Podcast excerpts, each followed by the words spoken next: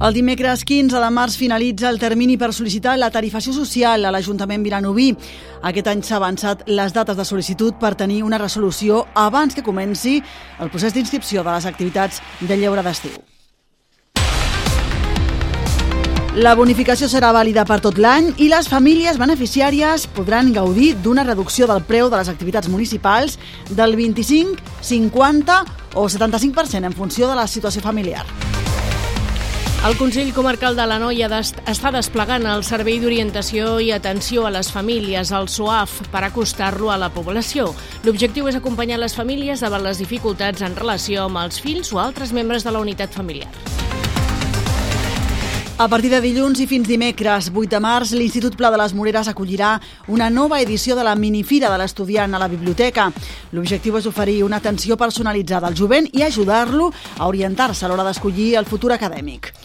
Avui és l'últim dia per presentar els relats al concurs de narrativa de Vilanova del Camí. Recordeu que es poden enviar per correu electrònic en format digital a cultura arroba vilanovadelcamí.cat. Fins ara s'han presentat prop d'una quinzena d'obres. Avui parlarem de sortides, la caminada saludable que va fer l'EAP dilluns, la que té prevista aquest diumenge Comissions Obreres a Noia amb motiu del Dia de la Dona i també l'excursió que farà la colla diumenge. I en esports, l'esportista vilanoví Roger Bars català ha fet efectiva la proposta de renovació de l'Igualada Hockey Club i continuarà una temporada més capitanejant el conjunt arlequinat.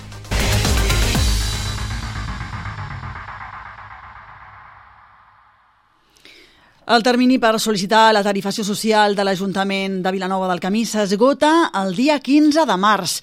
Les famílies que vulguin sol·licitar-la hauran de presentar tota la documentació necessària presencialment a les oficines d'atenció a la ciutadania o bé a l'Ajuntament, o bé al Casal de la Gent Gran, o al punt telemàtic, o també, de manera telemàtica, al web municipal.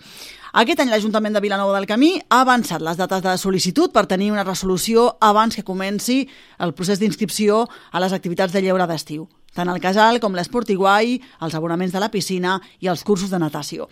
Aquesta bonificació serà vàlida per tot l'any i les famílies beneficiàries podran gaudir d'una reducció del preu de les activitats municipals dels 25, 50 o 75% en funció de la situació familiar. L'ajuda pot arribar, de fet, fins al 100% si així ho avalen els serveis socials. I és important destacar que la resolució de les tarifacions socials no implica la reserva de plaça en les activitats, per la qual cosa es recomana als interessats que facin les inscripcions en els terminis establerts. Recordar també que per presentar el tràmit telemàticament cal emplenar prèviament la sol·licitud corresponent que trobareu al web municipal vilanovadelcamí.cat i afegir-la a la instància genèrica disponible a la seu electrònica. I si s'escau, també es podrà adjuntar la informació que convingui, com per exemple les despeses d'habitatge, rebut de lloguer, hipoteca, entre altres. Està previst obrir un nou procés de sol·licitud de tarifació social, però això serà el mes de setembre.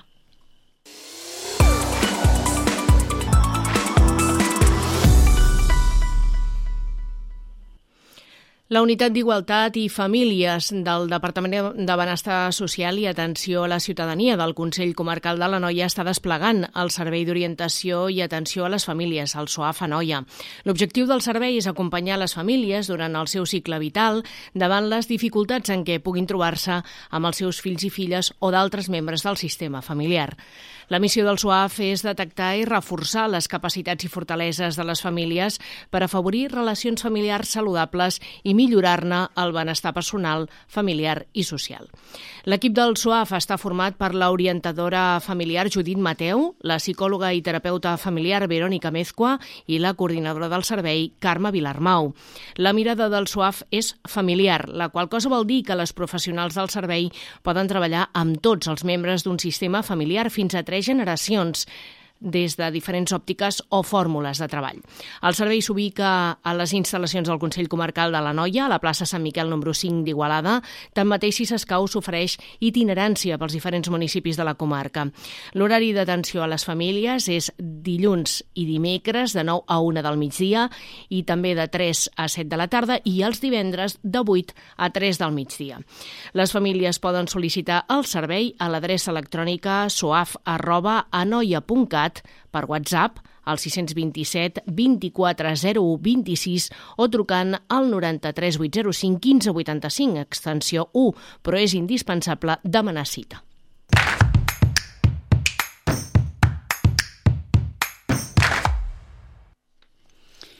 A partir de dilluns i fins al dimecres 8 de març, l'Institut Pla de les Moreres acollirà una nova edició de la Minifira de l'Estudiant a la Biblioteca del Centre.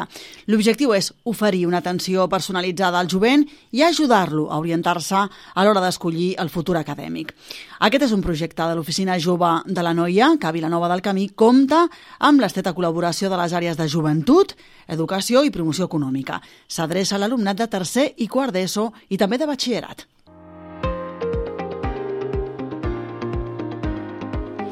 La minifira busca oferir una atenció personalitzada al jovent per tal d'orientar-lo en el procés d'escollir el seu futur acadèmic. En aquesta es presenten els diferents itineraris del sistema d'educació un cop finalitzats els estudis obligatoris. Els professionals de l'Espai Jove Camp Moscons, del Servei Local d'Ocupació i del Servei d'Orientació d'Àmbit Comunitari seran les figures encarregades d'assessorar l'alumnat en aquest moment de tria educativa. Ho faran directament a la minifira, que s'ubicarà a la biblioteca de l'Institut. També s'encarregaran de fer arribar la informació d'aquelles consultes que els realitzin per correu electrònic.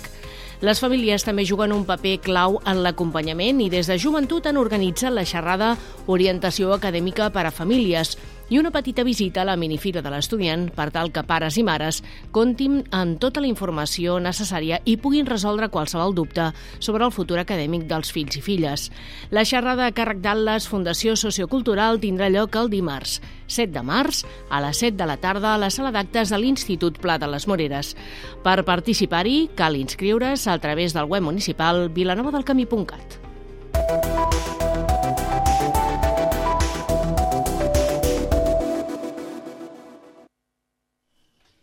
I encara parlant d'ensenyaments, els centres d'educació de Vilanova del Camí han començat aquesta setmana, recordem, les jornades de portes obertes. Dimarts fou el torn de l'Institut Pla de les Moreres i de l'Escola Pompeu Fabra i dimecres de l'Escola Marta Mata. I avui la jornada s'ha fet a l'Escola Joan Maragall aquest, aquest matí i també es fa aquesta tarda. A tres quarts de cinc tindrà lloc la reunió informativa per a les famílies de nova matrícula. Recordem que les llars d'infants municipals, el Molinet i la Baldufa, faran aquesta jornada de portes obertes en tota la primavera, el dia 15 d'abril.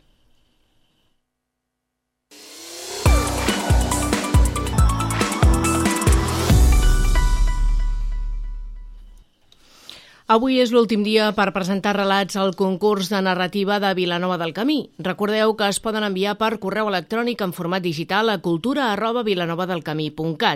Fins ara s'han presentat prop d'una quinzena d'obres. En aquesta edició, a banda d'un primer i un segon premi, valorats en 400 i 200 euros, també hi haurà un premi per l'autor local per un import de 200 euros i un premi juvenil pel màxim import pensat per a joves de 14 a 25 anys. Només es podrà presentar una obra per autor i haurà de tenir una extensió màxima de 10 pàgines en DIN A4, lletra Arial 12 i per una sola cara. La temàtica és lliure i pel que fa a la llengua es podrà fer servir tant el català com el castellà. Les condicions de participació es poden consultar al web municipal vilanovadelcamí.cat. El lliurament de premis tindrà lloc a Camp Passeït durant els actes de celebració de la Diada de Sant Jordi, el pròxim mes d'abril.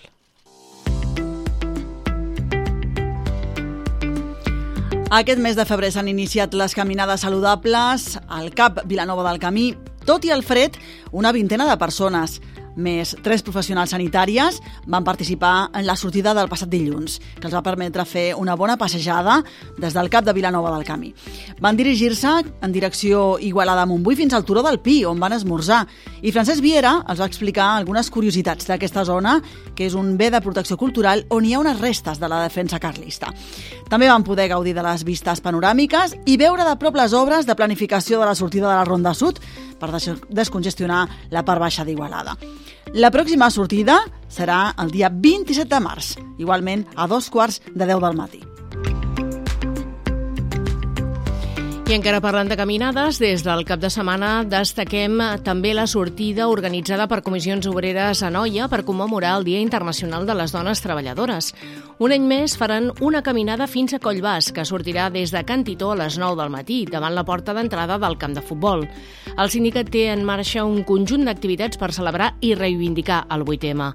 Una de les més destacades és aquesta caminada oberta a tothom que Comissions Obreres de la Noia organitza des de fa 10 anys, amb un sentit marcadament reivindicatiu però que també incorpora el gaudi de l'entorn natural. Al final compartiran un esmorzar tradicional a base d'amigues. I recordem també que diumenge la colla excursionista farà la desena etapa del Camí de Sant Jaume de l'Estany Artés. Sortiran amb autocar del lloc habitual a dos quarts de set del matí. Aquesta etapa del camí comença al poble de l'Estany i no passa per cap més poble. Es tracta d'un traçat, d'un tram llarg i poc freqüentat, amb un paisatge, això sí, ple de boscos, de roures i d'alzines. Recordeu que cal dur les credencials de peregrins i si algú necessita les pot demanar al moment de fer la inscripció per la sortida a la colla excursionista.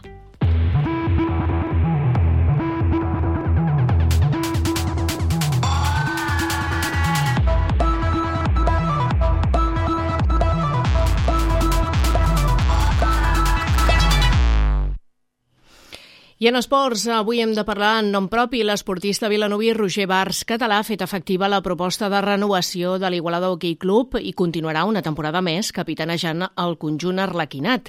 Des del club asseguren que volen continuar gaudint del seu talent i la seva passió al pavelló de les Comes. Amb 25 anys, Bars va aixecar la Copa de Campió d'Europa amb el Tricino i va guanyar la Lliga Italiana tancant una etapa brillant en la seva experiència esportiva a Itàlia.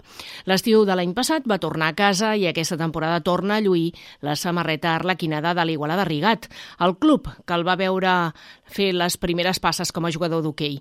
Bars va ser també elegit millor esportista local al 27a Festa de l'Esport de Vilanova del Camí, la passada tardor.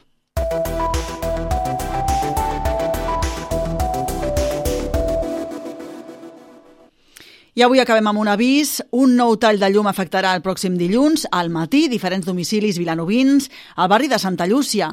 Concretament està prevista la zona dels Muletons i del Pla del Rigat i també aquests carrers que dèiem del barri Santa Llúcia, dels Ducs, Cristòfor Colom, Foradada, Manresa, Migdia i Sant Antoni. Serà entre les 7 del matí i les 12 del migdia.